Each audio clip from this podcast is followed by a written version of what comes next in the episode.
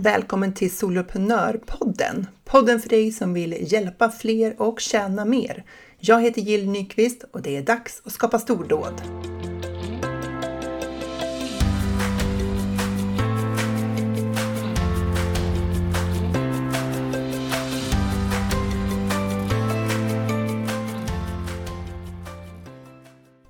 Vad vet dina potentiella kunder om dig? Vi behöver ju ha fokus på att visa upp vår kunskap så att de som behöver hjälp inom det område som vi hjälper till med kan hitta oss.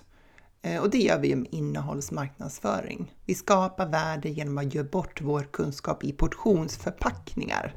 Kunskap som våra potentiella kunder har nytta av när hon eller han försöker lösa sitt problem eller hantera sin utmaning eller få sitt behov uppfyllt. Så långt allt väl. För det är ju en viktig del, det där med kunskapen. Men det finns ett par aspekter till. Kan du krydda dina kunskaper med nya perspektiv så blir du ännu mer värdefull. Kan du ge dina följare en aha-upplevelse, ett nytt sätt att se på sina problem, visa på nya möjligheter som dina följare aldrig tänkt på, för att hon har liksom inte tänkt på det sättet innan, då är det ju riktigt värdeskapande. För vi har ju alla vår föreställning om världen. En del av våra föreställningar gagnar oss och gör oss gott, inga problem där. Men en del av dem hindrar ju oss. Det är olika former av begränsande övertygelser. Saker vi går omkring och tror på och kanske också tar för sanningar eller fakta. Och det gör ju att vi aldrig kommer själva ifrågasätta dem eftersom det är så självklart. Att ge ett nytt perspektiv på någonting är ju som att öppna en ny dörr för någon. Plötsligt blir helt andra saker möjliga. Och vad kan vara mer fantastiskt än att göra det för dina följare genom din kommunikation? Och genom att visa på nya sätt att tänka, nya perspektiv tillsammans med din expertis så blir du en tankeledare inom ditt område. En föregångare som skapar själv och inte bara upprepar andras budskap. Du organiserar både dina tankar och ditt budskap utifrån dina erfarenheter och kanske ifrågasätter gamla sanningar. Kommer med något nytt. Så det var två aspekter, alltså kunskap och att ge nya perspektiv eller nya insikter och det är ju värdeskapande. Och sen har vi den där tredje aspekten. Du. Människan bakom kunskapen. Människan bakom perspektiven. Vem är det du som person? Vad står du för och vad uppskattar du? Vad är det du inte gillar? Hur bor du? Vad gillar du att göra? Hur är du som person? Vilka personliga egenskaper har du? Bra och dåliga. Så vad vet dina följare om dig? Vet de vad du är bra på? Vet de vilka fallgropar du ofta hamnar i? Fast du försöker undvika dem? Vad du gör på fritiden eller varför du startar ditt företag? Varför du gör det du gör, vad du brinner för, vad du vill uppnå. Jag är ju ingen hejare på Instagram. Jag har typ 1200 följare och när jag postar så får jag så här typ 20-30 likes och lite kommentarer ibland och det tycker jag är jätteroligt. Eh, jag är helt obrydd när det gäller att skapa en snygg feed. Eh, du vet, sån här grid. Eh, min blir som den blir och dessutom så avskyr jag att skriva hashtags. Alltså jag vet inte, det är så tråkigt. Jag vet att jag borde ha dem sparad på ett eh, ställe så att jag kan kopiera och klippa in dem på ett lätt sätt. Nu dyker jag upp lite mer regelbundet för att jag har fått hjälp av Elin Bäck från ESB Design som är min VA. Så skönt! Så stort tack till dig Elin! I veckan hade jag ju några dagars öppning för de som ville gå med i Soloprenörerna. Varmt välkommen om du är en av dem som gick med. Superkul att ha dig med! Och då blev jag ju påmind igen om vikten av personligt varumärke och just det där personliga. För jag producerar ju mängder av gratis innehåll, inte minst den här podden, men också inlägg med tips och insikter på Instagram. Jag har gratis grejer som en mini-e-postkurs, en quiz, guider och så vidare. Så i veckan fick jag lite feeling och så delade jag med mig av min promenad med hundarna och en annan post med bilder från mitt kontor. Jag har ju ett litet kontor i huset i min villa och eh, jag skrev hur det kändes som en milstolpe det här med att mitt företag fick ett eget rum. För allra första starten så satt ju jag i källaren och där hade jag egentligen jättestort utrymme för vi har en sån här inredd källare. Men det går inte. Alltså jag kan inte sitta under jord. Det var ju så här små, ni vet källarfönster, så det var inte så att det var jätte, jättemörkt, men jag kände bara att det, det, jag kan inte tänka där under jord. så jag flyttade upp till det betydligt trängre köksbordet. Och sen blev ju det opraktiskt, för tydligen så skulle det ätas mat där också. Så jag flyttade till matsalsbordet med dator, superviktiga och galet snygga pennor och anteckningsblock och en skrivare i hörnet. Och så jobbade jag därifrån och varvade mellan soffan och det där matsalsbordet eh, och hoppades på att, att vi inte skulle liksom behöva använda det till att faktiskt äta vid. Men så blev ett rum ledigt på övervåningen för att sonen hade liksom blivit större och han ville flytta ner i ett eh, sovrum som vi hade nere i källaren. Och han älskar ju att vara i källaren. Han trivs jättebra där.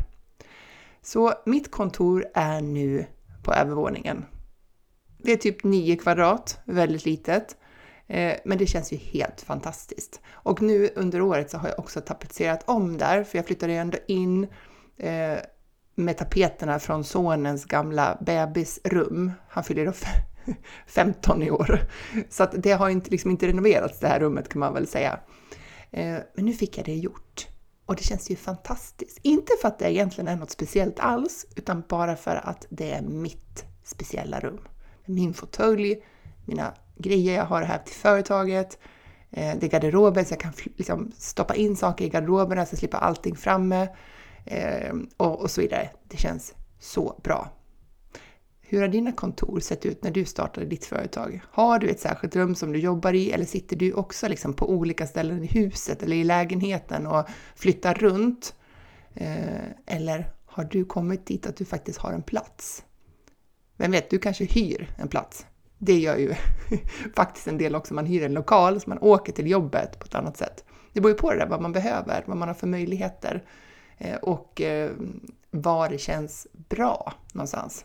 En del tycker att det är viktigt att få åka till jobbet och jag tycker att det är fantastiskt att slippa åka till jobbet, att få sitta här i huset. Och hela den här berättelsen handlar ju om att jag gjorde det här inlägget där jag visar upp några bilder från kontoret, inklusive friskvårdspatrullen som är mina två hundar då. Min border collie som är nio månader och jaktlabradoren som är sju, eller alternativt åtta år. De är alltid med mig här inne på kontoret.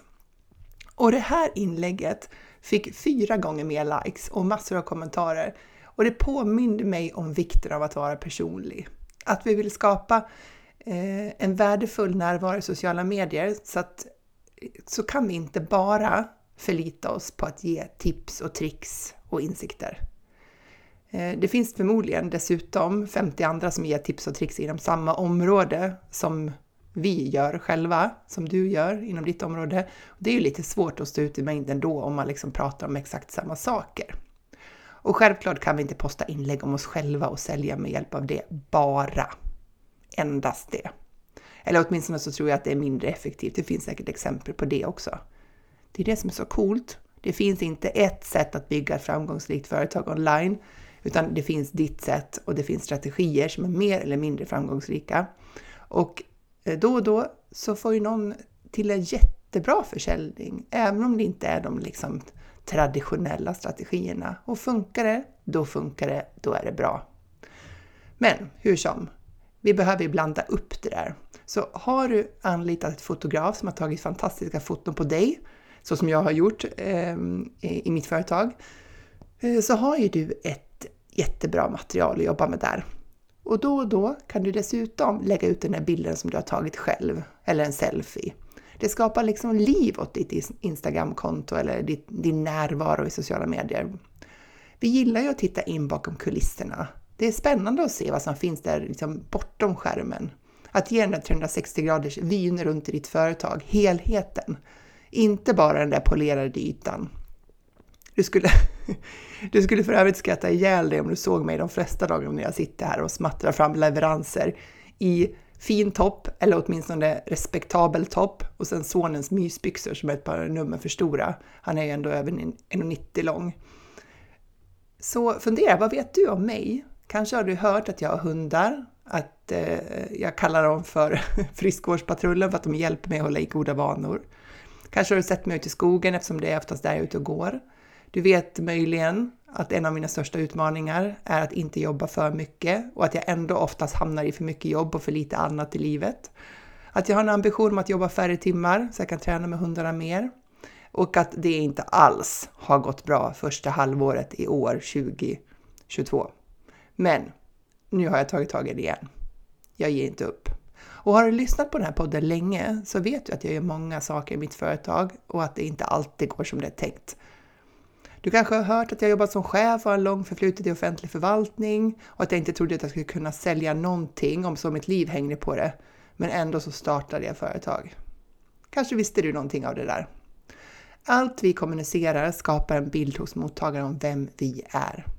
Vad du väljer att visa upp påverkar dina följare kring vilken bild de har av dig och ditt företag. Så ger du dina följare en möjlighet att lära känna dig, alltså personen bakom företagaren, genom din närvaro i de kanaler som du har valt. För vi uppskattar att följa varandras resor. Oavsett vilken nisch du jobbar i, så oavsett kanske vilket problem du löser, så finns det ett före, under och efter. Före när, när du var i det här problemet och kämpade med de här utmaningarna under när du håller på att lösa det och börjar hitta vägen och efter när du har kommit till ett nytt läge. Så viktminskning är ett så tydligt exempel på det.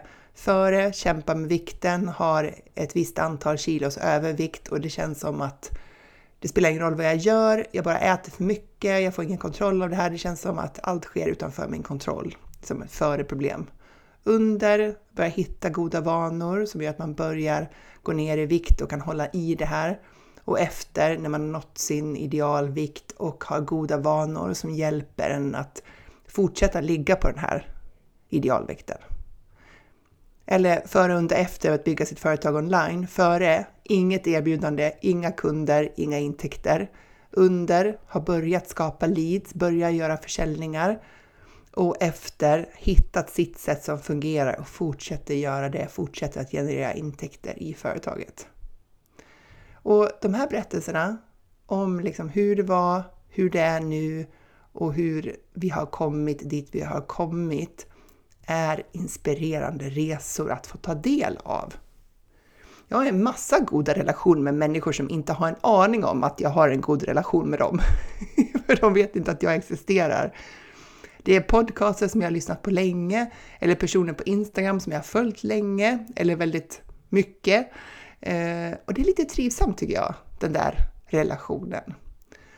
Har du läst ut en bok någon gång, eller kanske en bokserie, och så har du kommit på dig själv att inte vilja börja på en ny bok, för du orkar liksom inte lära känna nya personer. eller en serie jag vet inte, det här kanske bara gäller mig, jag vet inte. Men om jag har sett så här fem, sex säsonger av en serie och när den tar slut, då känns det jättejobbigt att börja med en ny. För jag känner ju inte de där nya personerna, jag kände de där gamla, jag gillade dem. Så kan jag bara få fortsätta hänga med dem. Och så blir det ju med dem som jag följer i sociala medier också. Och det må vara ensidigt från min sida, men det känns ändå liksom givande ändå. Och vad är det som skapar den där goda relationen? Ja, men när det gäller podcasting så tänker jag att jag får värdefull kunskap med mig. För jag gillar framförallt podcaster som ger mig nya sätt att tänka. Så att både den här kombinationen av att få praktiska strategier och metoder, tips, men också nya perspektiv, nya insikter som hjälper mig att driva mitt företag bättre.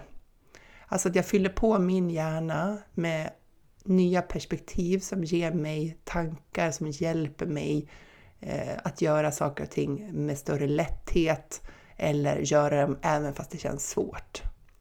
Och jag är en sån som vill lära mig av poddar, så jag lyssnar inte på pratpoddar som inte har ett specifikt ämne. Eh, men där är vi olika. Och jag gillar att få de här aha-upplevelserna. Eller bli påmind om saker jag redan visste men har tappat bort. För det händer ju hela tiden att jag blir påmind om saker som så här, okej, okay, det var inget nytt, men jag hade ju liksom inte tänkt på det på jättelänge och nu passar det faktiskt in i, min, eh, i mitt företagarliv att göra det där eller att plocka upp det där igen. Och har man lyssnat på ett par hundra avsnitt av en podd över tid så är det ju klart att det blir upprepning. De här personerna säger ju många gånger liksom saker om och om igen. Och hur skönt är inte det? Att få höra gamla grejer uttryckt på lite olika sätt och så få det varvat med nya insikter, det är ju en bra kombination tycker jag. Det är som att det där gamla har jag krokar att hänga upp på. Alltså den gamla kunskapen kan jag hänga upp på krokar i min hjärna och det passar in fint och det känns skönt.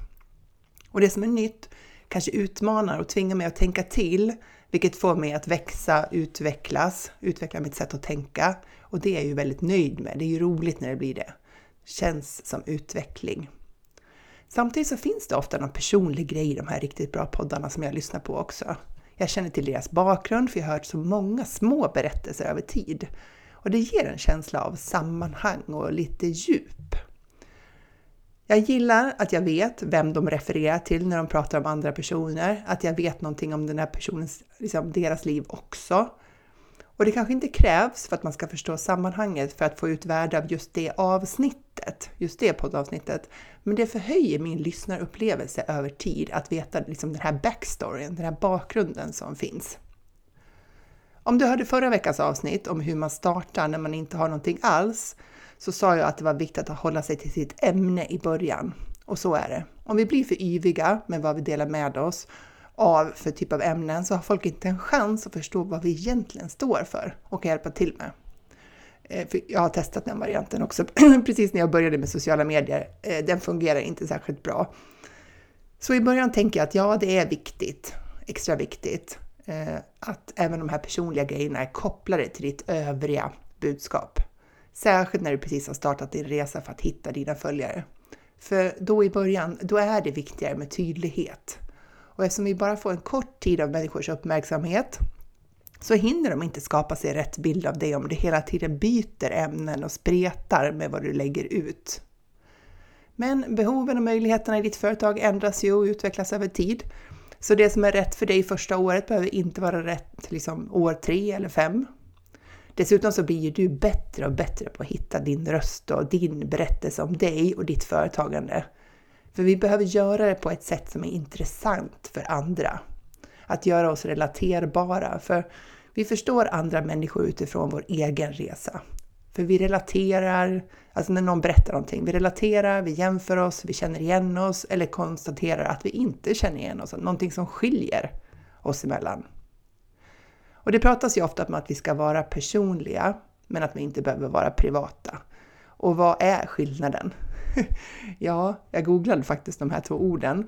Och eh, det är några av de här orden som förklaras med synonymer, alltså som finns i båda liksom, definitionerna av orden privat och personlig. Men det finns också några som skiljer. Så om man tar det som skiljer på ordet privat så handlar det om hemlig, konfidentiell. Men det finns också enskild, individuell, personlig på, som definition på privat. Tittar man på personlig så handlar det om uppriktig, förtrolig, mänsklig. Originell kan det också vara, eller färgstark om man vill liksom mer så här, vad som skiljer om man är personlig. Att vara personlig är då att vara uppriktig, förtrolig och mänsklig, men att inte dela något som är privat utifrån då så här hemligt eller konfidentiellt. Och jag tror att vi har olika gränser för det här. När jag har pratat om att vara förälder till barn med ADHD på plattformen Funka med ADHD så har jag delat saker som säkert många andra anser är privata. Jag har berättat om mina misstag, varför jag gjorde som jag gjorde, även när det inte var smickrande. Jag har berättat om svåra situationer och jag har fått så mycket tillbaka. Andra föräldrar som har känt igen sig, som har tackat för att jag satt ord på det som de trodde bara gällde dem. Men vi ska inte dela det som är ett öppet sår fortfarande för att du riskerar att dela mer än vad vi som senare är bekväma med att ha gjort. Att vi känner att vi har lämnat ut oss själva eller någon närstående på ett sätt som vi har svårt att stå ut med i efterhand. Men som sagt, det här är olika och det viktiga är ju att du hittar dina gränser, för de är ju dina oavsett var de går. Att vara personlig handlar om att bjuda in i din sfär och det behöver ju inte vara de smaskigaste detaljerna för att det ska vara intressant. Vi gillar ju att höra hur det gick till, vad som gick fel, vad som fungerade bra, hur vi hanterade den ena eller den andra svårigheten. Även om det handlar om ett webbinar där länken inte fungerade och hur vi löste det när det kändes som att alla som, Alla stod och väntade och inte kom in. Vad vi tänkte då, hur det kändes. Det är inte särskilt privat, men det är personligt.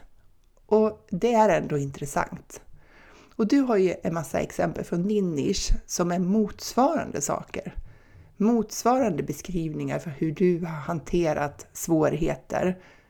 För på något vis är det väl där som vår personlighet ställs på sin spets. Alltså, det är lätt att vara...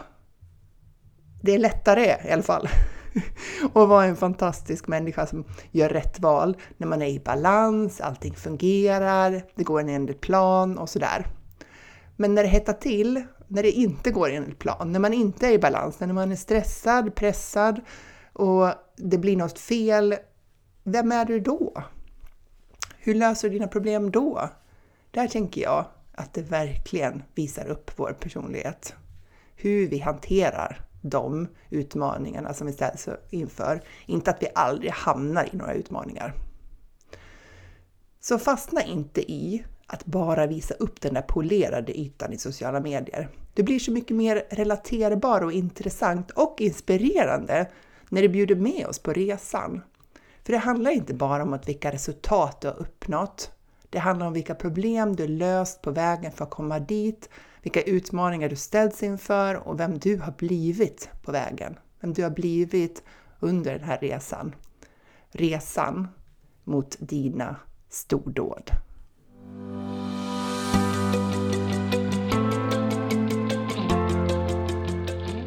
Stort tack för att du lyssnar på Soloprenörpodden. Jag är så glad att ha dig här. Du får jättegärna lämna mig en review på iTunes och ratea podden. Ge den fem stjärnor om du tycker att den är värd det, så hjälper du mig att sprida den till fler. Eller varför inte ta en skärmdump på det här avsnittet och tagga mig på en story på Instagram, solopreneur.nu.